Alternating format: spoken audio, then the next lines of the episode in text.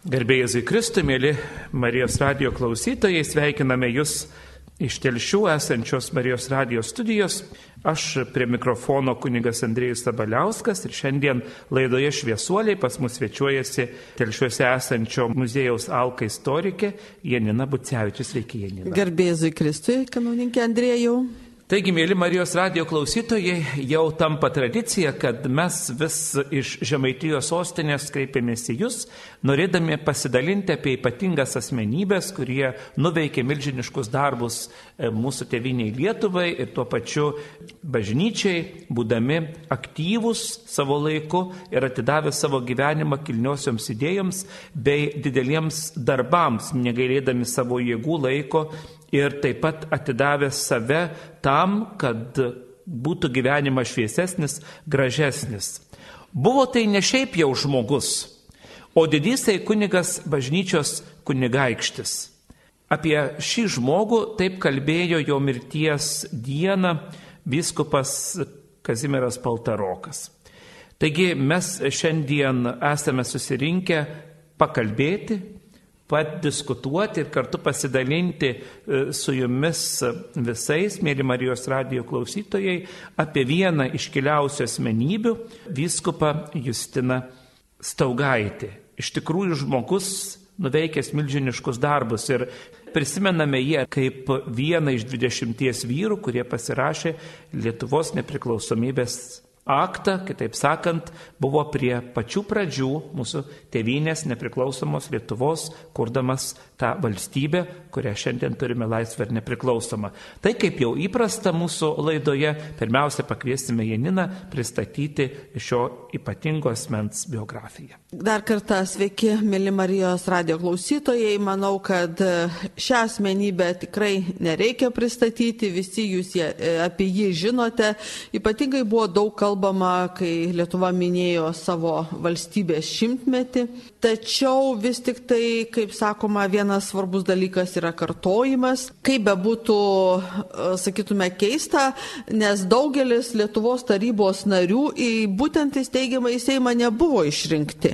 Bet Justinas Taugaitis buvo būtent išrinktas į šitą Seimą. Kad suprastumėte, kad tikrai daug tarybos narių nepateko net ir pirmasis Lietuvos prezidentas ir Lietuvos tarybos, valstybės tarybos pirmininkas buvęs tai Antanas Metona, tai tuo tarpu Staugaitis buvo išrinktas ir jis iš tikrųjų buvo neįlinis narys, bet jis buvo ir Seimo vicepirmininkas ir nekarta pirmininkavo ir buvo pirmininkas steigiamojo Seimo. Žinoma, tai irgi labai graži data. Tarpukariu praktiškai steigiamojo Seimo pradžia buvo švenčiama net šiek tiek iškilmingiau negu vasario 16. Na, galėtume kelti klausimą, kodėl mes jos dabar nešvenčiam. Na, atsakymas yra labai paprastas, dėja šita valstybė 1940 buvo okupuota, pirma sovietų, paskui nacijų, paskui vėl antroji sovietų reokupacija. Na, o 1990 m. kovo 11 mes atkūrėme savo valstybę, tai mes švenčiam būtent kovo 11, o ne gegužės 15. Turėkime omeny, kad taryba nebuvo išrinkta demokratiškai. Taip, žmonės norėjo, kurie būtent organizavo tą konferenciją, norėjo iš tikrųjų, kad tai būtų Seimas, kad būtų išrinkti atstovai, bet vokiečių valdžia tuometinė pirmo pasaulinio karo metais okupacinė valdžia neleido. Tai tik tai tiek, kad leido sušaukti konferenciją, kurioje ir buvo išrinkti šitie 20 vyrų ir kurie pasirašė vasario 16 aktą 1918 metais. O jeigu grįžtant prie Staugaičio, tai reikia pasakyti, kad jo veiklą ko gero reikėtų skirstyti į tokius du laikotarpius. Tai pirmiausiai Žinoma, 1917-1926, kai jisai aktyviai dalyvavo politinėme gyvenime. Ir 1926-1943, tai jo mirties data, tai kada jisai buvo telšių vyskupas ir nuo tokios aktyvios politinės veiklos pasitraukė, bet aišku, būdamas vyskupu, jisai negalėjo likti nuo šaly, nuo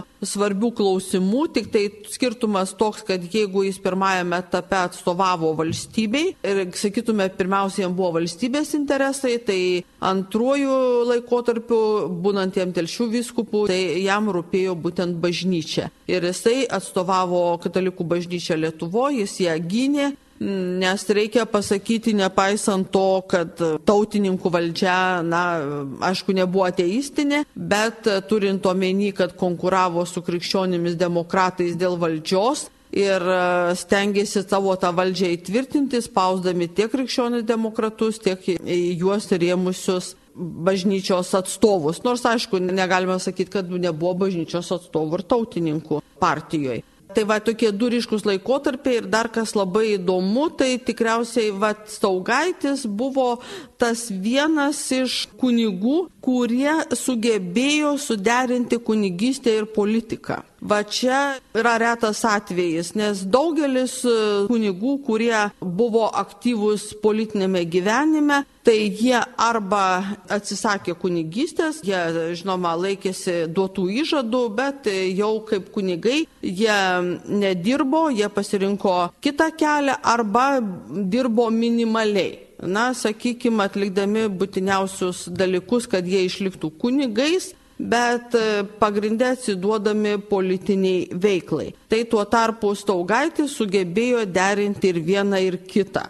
Malonios išimtis, tai aišku, vat, pernai buvo uh, Juozo Tumo Vaižganto metai, kanauninkas Juozas Tumas Vaižgantas, Maironis, o vat politikoje tai ir svarbiausia, kad jis buvo neįlinis politikas, bet jis užėmė vadovaujančius postus, pavyzdžiui, tiek pirmajam steigiamajam, tiek steigiamajam Seime, tiek paskui pirmajame Seime, antrajame Seime. Na, jisai netgi buvo beveik visą laiką Seimo pirmininkas, pavaduodavo prezidentą jam išvykus. Taigi tai iš tikrųjų buvo labai tokia įtakinga asmenybė, na ir ko gero pirmas ir paskutinis vyskupas, kuris buvo, na, neilgai, bet ir Seimo pirmininku būdamas vyskupu. Taigi praktiškai apie mėnesį tai Tik tai reikia pasakyti vieną irgi įdomų dalyką. Staugaitis aktyviai dalyvavo politiniam gyvenime, taip jisai priklausė ir buvo vienas iš kūrėjų krikščionių demokratų partijos, bet niekada neįėjo į jos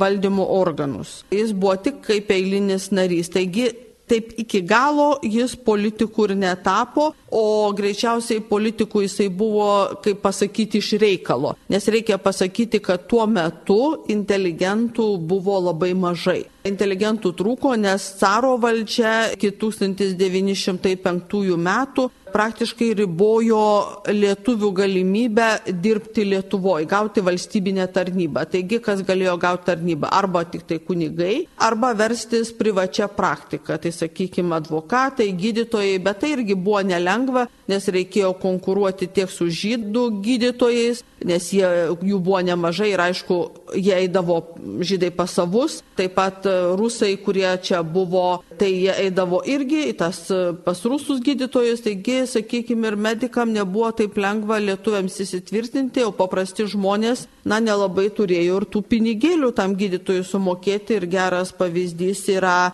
tas pats Jonas Basanavičius, kuris ką daro, išvyksta į Bulgariją ir į Čekiją, todėl kad čia sunku pragyventi. Arba, kaip žinome, tikrai nelengva buvo ir Vincui Kudirkai ir ji tikrai, jeigu nebūtų parėmę kiti lietuvių inteligentai tai, arba, ir net dvarininkai, tai tikrai būtų jam buvę visiškai striuka. Tai dėl to tų inteligentų lietuvių nebuvo daug ir kunigai aktyviai įsijungė tiek į lietuvybės darbą, tiek paskui ir kuriant Lietuvos valstybę. Tačiau reikia pasakyti, kad Staugaitis nebuvo klerikalas, kaip galima kartais pamatyti iš jo tam tikrų raštų, arba jisai griežtai pasisakantis prieš savo raštuose socialistus, vis tik tai jisai sugebėjo derinti įvairias kryptis ir pavyzdžiui, kai Lietuvos taryba buvo išrinkta tikrai daug kunigų, nes jie buvo nusipelnę. Tai kairiesiam pakėlus triukšmą, kad štai per daug kunigų, Staugaitis pasiūlė, kad tikrai galėtume porą vietų skirti būtent kairiosios pakraipos politikam. Tai matom jo tokį sugebėjimą derinti vairias kryptis. Primenu, mėly Marijos radio klausytojai, kad girdite laidą Lietuvo šviesuolė ir šiandien laidoje kalbame apie žymų dvasininką, vyskupą Justiną Staugaitį. Iš tikrųjų, klausantis Janinos kyla mintis, kad e, žmogus turėjo ypatingų dovanų.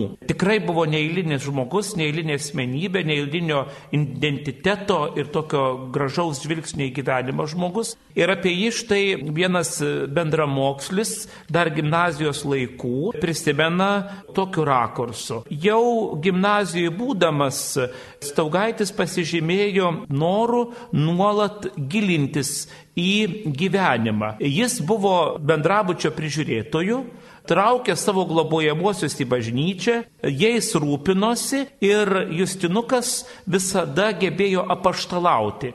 Seminarijoje studijuodamas pasižymėjo savo gabumais, nes išmoko septynias užsienio kalbas, tiesa truputį vėliau, bet jau pačioje seminarijoje skaitė keliomis užsienio kalbomis esamus veikalus ten ir labai domėjosi gyvenimu, skaitė Lietuvos ir Žemaičio apžvalgą, studijavo prieinamą literatūrą ir buvo sąmoningas tiek katalikas, tiek ir Lietuvos patriotas, nes jam rūpėjo ir lietuvybė, ir katalikybė. Tai va tokia yra apie jį palikta žinia Ir dabar mes jį matome kaip labai tokį stiprų identitetą turinti žmogų. Bažnyčios žmogus, absoliučiai ginantis bažnyčios poziciją, valstybėje besikūrenčioje ar nemodernioje valstybėje, absoliučiai matanti perspektyvą, kad joje turi sutilpti visi žmonės, ar ne?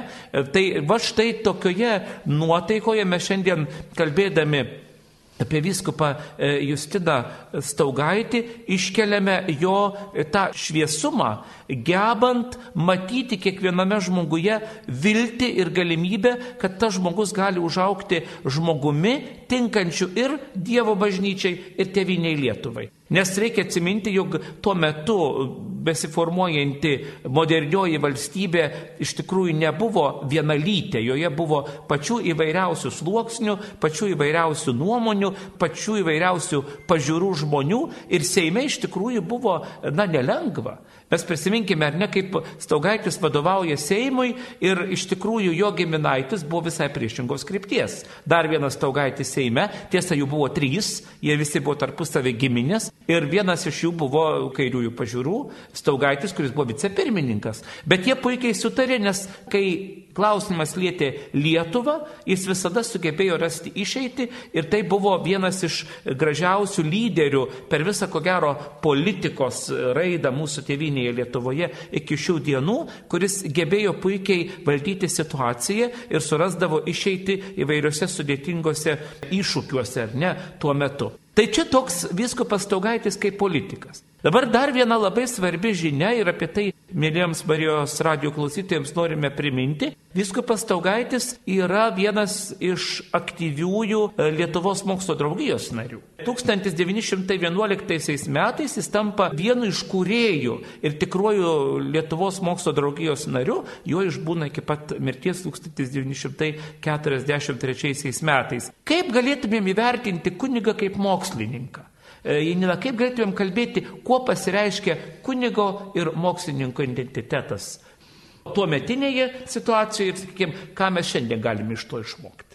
Staugaitis iš tikrųjų labai norėjo mokytis. Dabartiniai mokiniai, kai dažnai tikrai nenori į mokyklą ir sako, kad čia yra kančia. Na, kančia todėl, kad greičiausiai mūsų jaunimas yra dabar pripratintas čia ir dabar, to jau kuo daugiau malonumų, o vis tik tai mokykloje reikia daug kantrybės. Na, aišku, Staugaičio gyvenimas buvo nelengvas. Anksti mirė jo mama.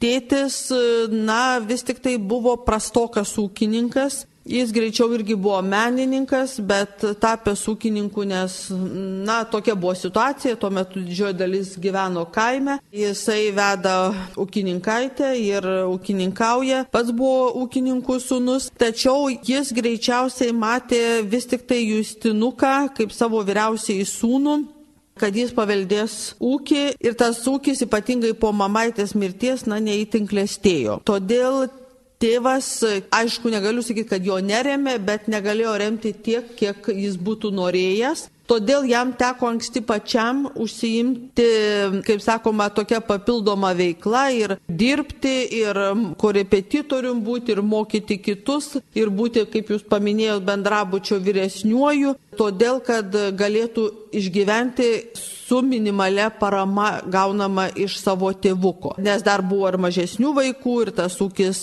na, neįtin klėstėjo, todėl jam teko daug daryti to, ko jisai galbūt ir ne visai norėjo. Jis norėjo atsidėti mokslui, bet jam Na, tai nepavyko, net ir į seminariją, tiesą sakant, jis įstojo tik todėl, kad labai labai tolimas giminaitis, kunigas, paliko palikimo dalį, reiškia, iš savo giminės busimam kunigui. Tai kadangi artimesnių giminių neatsirado, atsirado galimybė staugaičiui, bet va štai išvykti į užsienį studijuoti jis irgi labai norėjo, jam nepavyko. Na tai tai galbūt, sakykime, tam tikras toks nekivaizdinis mokslas buvo jo gyvenimo momentų Lenkijoje, ypatingai Varšuvoje, kai jisai susitiko nemažai inteligentų ir tos diskusijos ir tie vakarai, kur leido jam, sakytume, tobulėti, bet jis visada labai suvokė mokslo reikšmę ir todėl neveltui jisai praktiškai visada rėmė mokslą, rėmė mokslininkus, rėmė studentus. Viena iš tokių pavyzdžių yra Telšių kunigų seminarijos įsteigimas. 1927 metais, na, galima sakyti, jis buvo praktiškai beveik vienas paliktas, nes atminkim,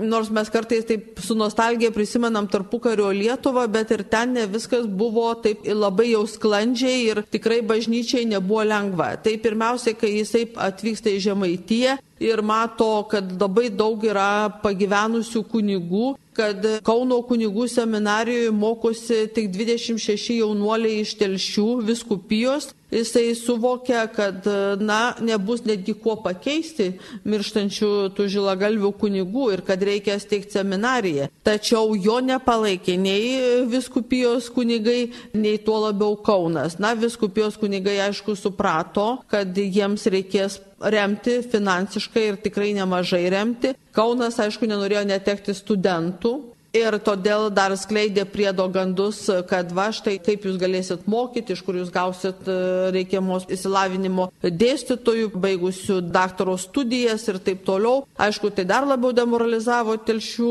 viskupijos kunigus. Na, o Augustinas Valdemaras, pasirašydamas konkordatą, net išsiderėjo slapto protokolą iš Vatikano, kad na, nebus teigiama naujų kunigų seminarijų, tai reiškia ir telšių kunigų seminarijos. Tačiau Staugaitis buvo gavęs čia buvusio popiežiaus atstovo, nes tuo metu nuncijaus nebuvo Faidučio tokį sutikimą, o Vatikanas paskui irgi paaiškino taip, na, jie nėra už naujos teigimo, naujos seminarijos, bet kiekvienas viskupas pagal kanonus turi teisę steigti ir jo labiau, jeigu valstybė neremia, tai ir viskupo dispozicijoje ir jisai tikrai tai padaro. Ir tai jam irgi nėra lengva, nes čia irgi trūksta įsilavinusių kunigų. Kauno arkivyskupas Kvereckas atsisakė jam atsiųsti jo prašomų kunigų čia į telšius dirbti. Na tikrai labai gražu, kad stipriai šiuo atveju paremė Vilkaviškio viskupija ir viskupas Karosas. Taigi seminarija atsidaro Bet ir vėl reikia patalpų, nėra kur mokytis. Bernardinų buvusiam vienuolynė suremontuoja patalpas ir iš karto jau pirmais metais yra 43 studentai.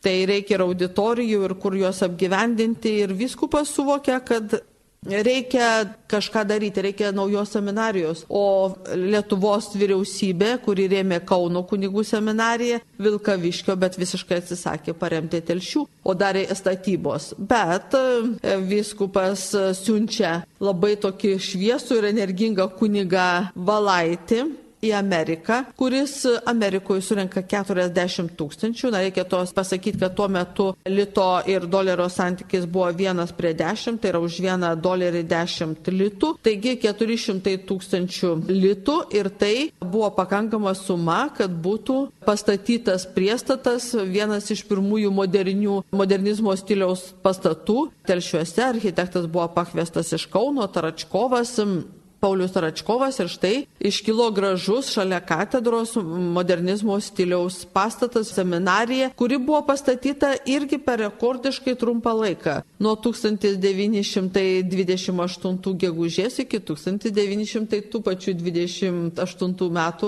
gruodžio mėnesio. Taigi seminarija pradeda veiklą. Paskui jisai aktyviai reikalauja iš valdžios ir pagaliau, nors iš dalies vyriausybė pradėjo remti. Tai vėl rodo jo tokį kaip politiko ir kaip vyskupo stiprų veikimą, nepaisant visų trūkdžių ieškoti. Toliau jisai siunčia studentus, gabius kunigus jaunus į Romą ir jie baigia daktaratus, apsigina ten savo darbus, baigia studijas ir grįžta ir Telšių kunigų seminarija turėjo tikrai puikiai parengtą profesūrą ir jų lygis atitiko aukštosios mokyklos lygį. Taigi telšiai gavo dar vieną aukštąją mokyklą. Buvo žydų rabinų mokykla o nuo 1927 kunigų seminarija, kuri vėl ruošė kunigus būtent Telšių viskupijai. O Telšių viskupijoje dar tuo metu reikia pasakyti, buvo irgi toks, na, ypatingas dalykas, ko šiandien mes aišku neturime, tai Klaipėdos kraštas. Klaipėdos kraštas tuo metu vis tik tai buvo stipriai suvokietintas. Tiesa, pačiam Klaipėdos krašte didžioji dalis gyventojų buvo lietuviai, bet štai pačioj Klaipėdoj tai didžioji dalis gyventojų buvo vokiečiai arba arba lietuviai, kurie vis tik tai kalbėjo vokiškai ir save laikė vokiečiais. Taigi dar reikėjo ir galvoti, kaip e, kurti naujas parapijas Klaipėdos e, toj prelatūroje. Tada Klaipėda buvo priimta prie telšių kaip prelatūra Tai jisai buvo ne tik telšių viskupas, bet ir Klaipėdos prelatas Justinas Taugaitis. Taigi, kaip vėl ten dirbti, kaip paruošti tos kunigus, kurie dirbtų valietuvininkų tarpe. Taip pat vėl vis tik tai viskupas Justinas Taugaitis suvokė tą žemaičių specifiką ir kaip ruošti kunigus būtent žemaitijai Ir visą tai jisai darė taip kantriai, nuolat su užsispyrimu. Taigi galime pasimokyti to suvokimo, kad mokslas yra vertybė ir kad dėl tos vertybės reikia daryti viską, kas tik įmanoma. Ir kad kunigas turi būti išsilavinęs. Jisai didelį dėmesį skiria kunigų išsilavinimui. Tik atvykęs jau vis iš karto ką daro, organizuoja rekolekcijas kunigų. Kad kunigai būtų tie ganytojai patys degdami šventumu, kaip sakant, va, tas antras Kristus, alter Kristus. Iš tikrųjų, viskopo Justinas Taugaičio gyvenimas persipina su dideliu užsidėgymu pastoracijoje ir kartu tame mokslinėme kryptingume, kurį jis turėjo. Tai reikia priminti myliems Marijos radio klausytojams, kad jis buvo vadovo redaktorius, tai toks labai rimtas leidinys, žurnalas skirtas dvasininkams ir inteligentijai ir nemažą metų jis tam vadovui vadovavo kaip redaktorius, kaip pritrūkdavo rašančiųjų, rašė pats straipsnius įvairiomis temomis. Tai rodė jo intelektualumą ir įžvalgą, jam rūpėjo mokslo kokybė ir pirmasis organizuoja Marijampolį darželį. Jis organizuoja e, Žiburio draugiją, kuri rūpinasi tuo, kad žmonės iš tikrųjų įvairių sričių galėtų būti besimokantis. Jam rūpėjo ūkininkai įsikūrė Žagrės draugiją. Ir ten yra iš tikrųjų labai platus žvilgsnis į to meto situaciją ir stengiantis padėti visiems žmonėms, kaip galėtų gyventi geriau. Čia yra to tikro šviesulio atspindys. Nes tas šviesulys arba šviesos nešėjas iš tikrųjų yra tas, kuris, na, įvairiom kryptim veikia ir pagal savo galimybės ir turimas pajėgas dirba tą užsidegusi darbą. Dar priminkime, kad jis kuria ir senelių be vaikų prieglaudas, bei pirmasis įkūrė mergaičių progymnaziją Marijampolė. Reiškia, pradininkas tokių dalykų, kurie šiandien yra tarytum savaime suprantami. Tuo metu niekas nebuvo savaime suprantama, reikėjo iš tikrųjų įveikti daugybę kliučių, nesupratimo ir tamsos, ir, ir tai dar caro laikai, dar iki laisvės toli gražu ir iki visų mūsų šiandienos privalumų net minties negalėtų būti. Tai štai tokį matom viskupą Justinas Taugaitį. Ir dabar apie jį kalbant kaip apie kuriantį žmogų, iš tikrųjų labai gražiai išryškina vienas iš jo amžininkų e, tokią gražią mintį. Rašytojai dažnai būna teoretikai, nepraktikai, Tuo tarpu vyskupas Justinas gaspadorišku savo protu sėkmingai tvarkė viskupiją. Citatos pabaiga. Tai štai išryškėja jo mentalitetas, kai jis atvažiuoja, kaip jau ir Janina minėjo, 1926 metais į Telšius ir čia prasideda tas didysis jo kaip vyskupo laikas. Iš tikrųjų jau Janina įvedė į tą sunkų uždavinį, kai jisai e, stato ir kuria kunigų seminariją Telšiuose mieste, bet neturėjo pats kur gyventi. Jo prisiminimai išlikę iki mūsų dienų iš tikrųjų liudyja apie didelį vargą, apie didelį sunkumą, kurį jis patiria. Jis atvyksta, būdamas ilgą laiką aukštosios panemunės klebonu į telčius ir staiga sako, na štai būdamas klebonu turėjau geresnės sąlygas negu tapęs telšių viskupijos vyskupu. Tai rodo, kad situacija buvo gana nelengva ir reikėjo ieškoti išeities. Ir jis imasi didelio darbo darbo ir šalia statomos telšių kunigų seminarijos kyla viskupų vadinamieji rūmai, tai yra kurija, viskupo būtas, na ir su didelė išvalga, kaipgi atrodys intelektualinis, dvasinis ir kultūrinis telšių miesto gyvenimas. Ne tik tai miesto, bet ir visos didžiulės telšių viskupijos. Šalia to, ar ne, mes turime kitą pastatą kylanti neužilgo, tai yra parapijai skirta salė, kanauninkų kapitulo salė. Da, pakalbėkim dabar, Janina, apie tai, kaip vyskupas matė tą strategiją kokį jis turėjo matymą, kad telšių miesto ir telšių viskupijos žmonės iš tikrųjų būtų tie, kurie gebėtų vertinti tikruosius dalykus, kaip jis regėjo žmogų, kuris yra išsilavinęs katalikas, skaitantis, besišviečiantis, atsiminkim, kad suklesti jo laikais ir žemaičių prietelius garsusis laikraštis, kuris iš tikrųjų perauga į, į kitus laikraščius, nes jau po to jis turi kabutėse savo vaikų ir jaunimui atsiranda leidiniai, jo globojami, suklesti, sakykime, dabar atitikmo gal būtų kažkas panašaus trečio amžiaus universitetai, bet tai jie veikia tik tai didmesčiuose arba didesniuose miesteliuose, o tuo metu kiekvienoje parapijoje veikia liaudės universitetas pavadintas vyskupo Motėjaus Valančiaus vardu. Tai va štai vyskupo Staugaičio platumas, ar net tas kryptingumas ir tas šviesumas. Tai gal apie viskupų rūmus ir apie tai, kaip jis matė kaip turi būti formuojama parapija, koks tas mentalitetas turi būti užaugintas,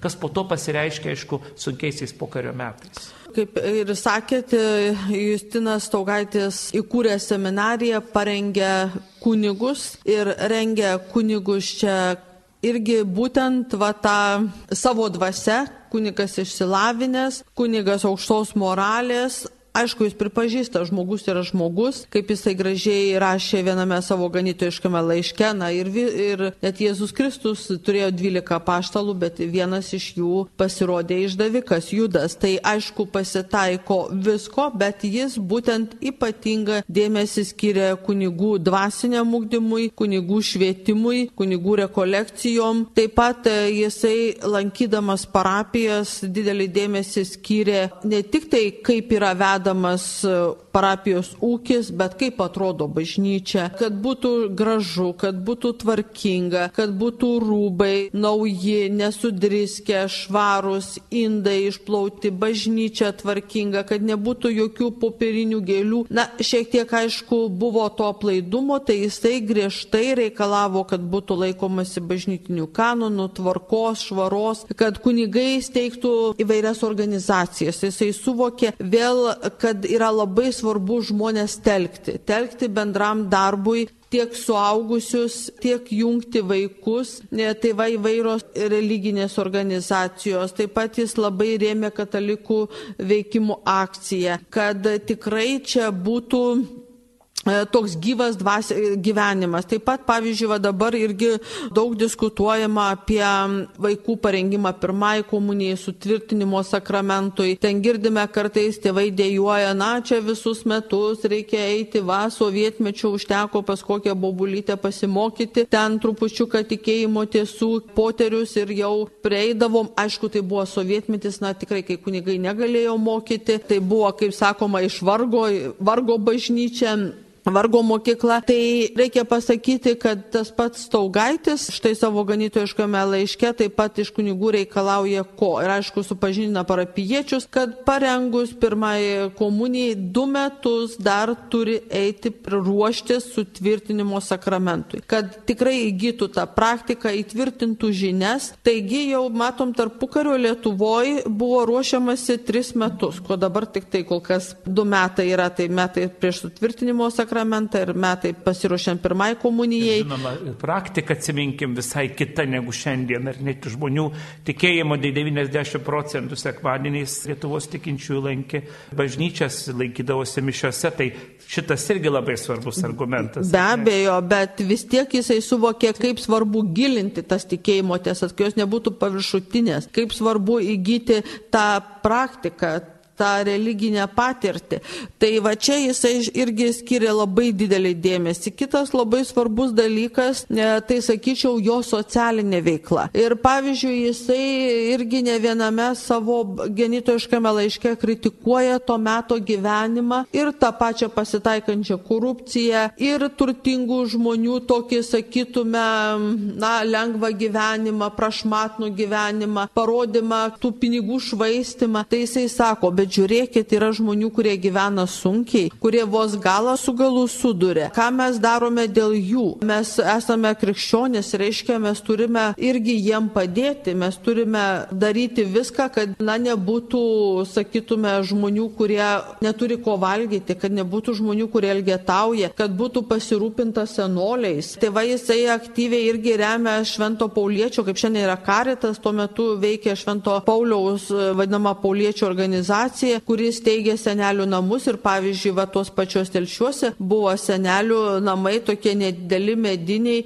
nepritaikyti, tai e, vyskupo ir aišku, čia inteligentijos rūpeščių buvo renkamos aukos ir tikrai vyskupas nemažai aukojo, tai rodo ir laikraščio pranešimai ir visada apsilankęs, kiekvieną ten, sakykime, kalėdų Velykų proga palikdavo nemažą auką, tai parodydamas, kad reikia tai daryti savo pavyzdžių ir pavyzdžiui, jau 1940 40 metais iškilo irgi modernizmo stiliaus senelių namai Daukanto gatviai. Aišku, gaila, kad seneliai taip ir neįėjo į šitos namus, nes 1940 birželio 15 okupuoja sovietai ir jie ten kūrė visiškai kitą įstaigą, nes žmogus jiems tik tai buvo deklaracija, o iš tikrųjų paprasti žmonės sovietams nerūpėjo. Taigi, kitas svarbus dalykas, jis suvokdamas vėl tą, kaip jūs sakėt, socialinę veiklą, suvokdamas kalbėdamas va, apie tą patį darželį užsiminė, tai reikia pasakyti, ojojoj, kokios buvo, koks buvo pasipiktinimas Marijampolė, kai jis įsteigė, nes kam darželį, savai mes suprantama, turtingi žmonės ten savo vaikų nevedė, jie galėjo pasisamdyti auklės, bet kas vedė, taigi darbininkų vaikai, kodėl jis teigia, darbininkų vaikams mamos dirba, tėčiai dirba, o kur palikti vaikus. O samdyti auklės neužtenka pinigėlių. Taigi jie gatviai, o ką reiškia gatviai? Tai kad vėl ir moralė smunka, ir jais niekas nesirūpina, ir lygos, ir pavojai įvairūs tyko. Tai va, kad mamos, aišku, dirba skaudančią širdimo, kaip tas jo vaikelis, ar pamaitintas, ar jam niekas neatsitiko. Taigi, kad mamos galėtų ramiai dirbti, jisai organizuoja darželį. Ir po darbo parėjusios jos randa vaiką prižiūrėtą, tas vaikelis ir pamokytas mokytas yra jau pagal amžių, kas jam priklauso. Taigi jisai čia irgi tą patį daro. Jisai kviečia čia vienuolės, atvyksta iš Marijampolės e, Matulaičio įsteigto seserų vargdienių organizacijos seseris. Taip pat jisai čia kviečiasi, atvyksta seseris Kazimirietis iš Pažaislio prie Kauno ir čia jos teigia ir darželį, ir mokyklą. Kazimirietis turi netgi mergaičių amatų mokyklą įsteigusios, pradėjusios pradinę mokyklą. Ir taip pat jis suvokdamas va tą spausdinto žodžio reikšmę, kaip jūs mėnys ne tik rašo, jisai įsteigė ir čia spaustuvę, kad būtent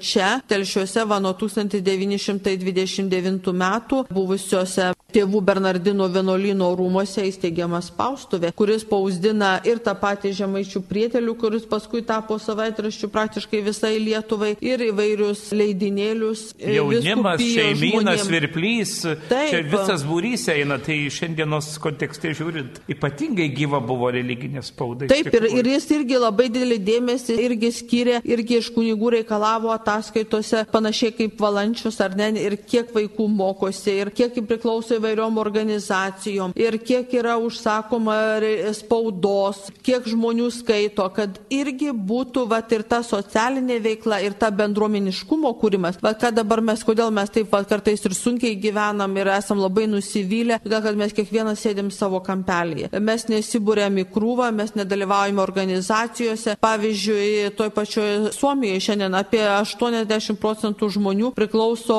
kažkokiai tai organizacijai, o apie 50 maždaug net dviem ir daugiau organizacijų. Taigi, va, ta socializacija žmogų irgi labai svarbi. Va, telkti, padėti vienas kitam, eiti kartu arba tą patį kultūrą irgi plėsti, tai vėl reikia kartu. Vienas tai laukia ne karys, vad ne veltui jisai steigia tą žyburio draugiją. Ta pati panašiai jis daro ir čia. O jeigu kalbant apie viskupų rūmus, tai iš tikrųjų atsiranda labai gražus viskupų rūmai istorizmo stiliaus, tai yra neobarokiniai, pritaikyti prie katedros ir čia jisai vėl kviečiasi tą patį architektą Paulių Taračkovą ir garsųjį architektą Vladimirą Dubenetskį, rusų architektą, atvykusi iš Sankt Peterburgo po spalio ginkluoto perversmo ir gyvenusi čia Lietuvoje ir tikrai pastačiusi ne vieną garsų pastatą Kaune. Taip pat lygiai, kad ir galėtų kur susirinkti įvairios religinės organizacijos, šventės ir taip toliau, kad būtų, jisai būtent steigia stato kurijos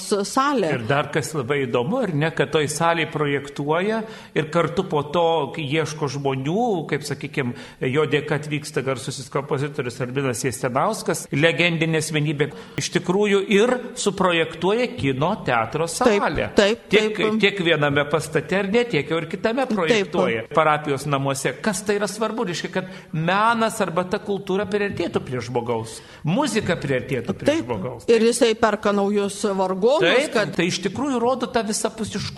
Taip, kad taip turi būti aukščiausio lygio pasaugaitė. Viskas turėjo būti taip. aukščiausio lygio. Vargonai tikrai labai puikus. Vargonai. Vargonininką pasikviečia tokį, kur, prabą. aukščiausios prabos, teisingai, kuris įsivaizduokit iš paprastų amatininkėlių, darbininkų, sukuria chorą, kuris 1938 metais užima pirmą vietą Lietuvoje. Ir šiuose, kur lietuvių, sakykime, gyventojų arba katalikų apie 3000 viso labo, Jasinauskas buvo įkūręs penkis chorus. Tai sunku įsivaizduoti tą mastą, bet tuo metu taip vyko ir dar jie, jie kartu su garbiuoju Dobrovolskiu sukūrė puikų orkestrą, ne, ir, taip. kuris garsėja vasarą ypatingo kultūrinė programa ant ežero groja orkestras, įsivaizduokit, vidury maščio ir žmonės susirinkę pakrantėse klausosi e, klasikinės gyvos muzikos su gyvais atlikėjais.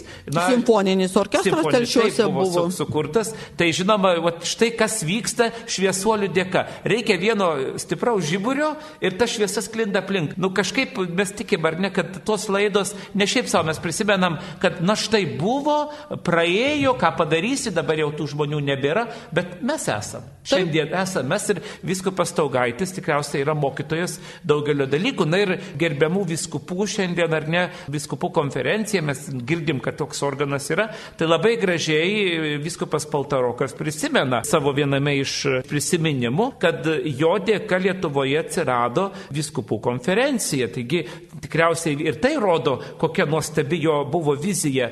Ir jis e, netgi pažymė, kad jo dėka e, viskupai būrėsi į krūvą ir buvo suorganizuota viskupų konferencija, kuri ir šiandien, kaip žinome, turi jau didelį svarbą. Taigi parodo žmogaus viziją, ieškojimą ir dar kas labai svarbu, ką mes visą tai kalbam, viskupas Staugaitis turėjo vieną tokią labai svarbę savybę, kurios ko gero šiandien trūksta daugeliu lyderių arba vadovaujančių arba tiesiog mūsų aplinkoje žmonių, tai visada norėjo tartis ir Paltarokas prisimena e, Velionis, arba jis, kai kalbėjo apie mirusį, viskupas Taugaitis visada sugebėjo ieškoti išeities, tartis su kitais, dažnai kreipdavosi ir į mane, jisai rašo prisiminimuose ir visada norėjo būti, kuris ne, matarytum, neduoda pagrindinį vaidmenį, bet išklauso kitų nuomonę. Ir po to daro išvadas. Jam sekėsi suburti gerą komandą. Ačiū mėlyjams Marijos radio klausytojams už kantrybę,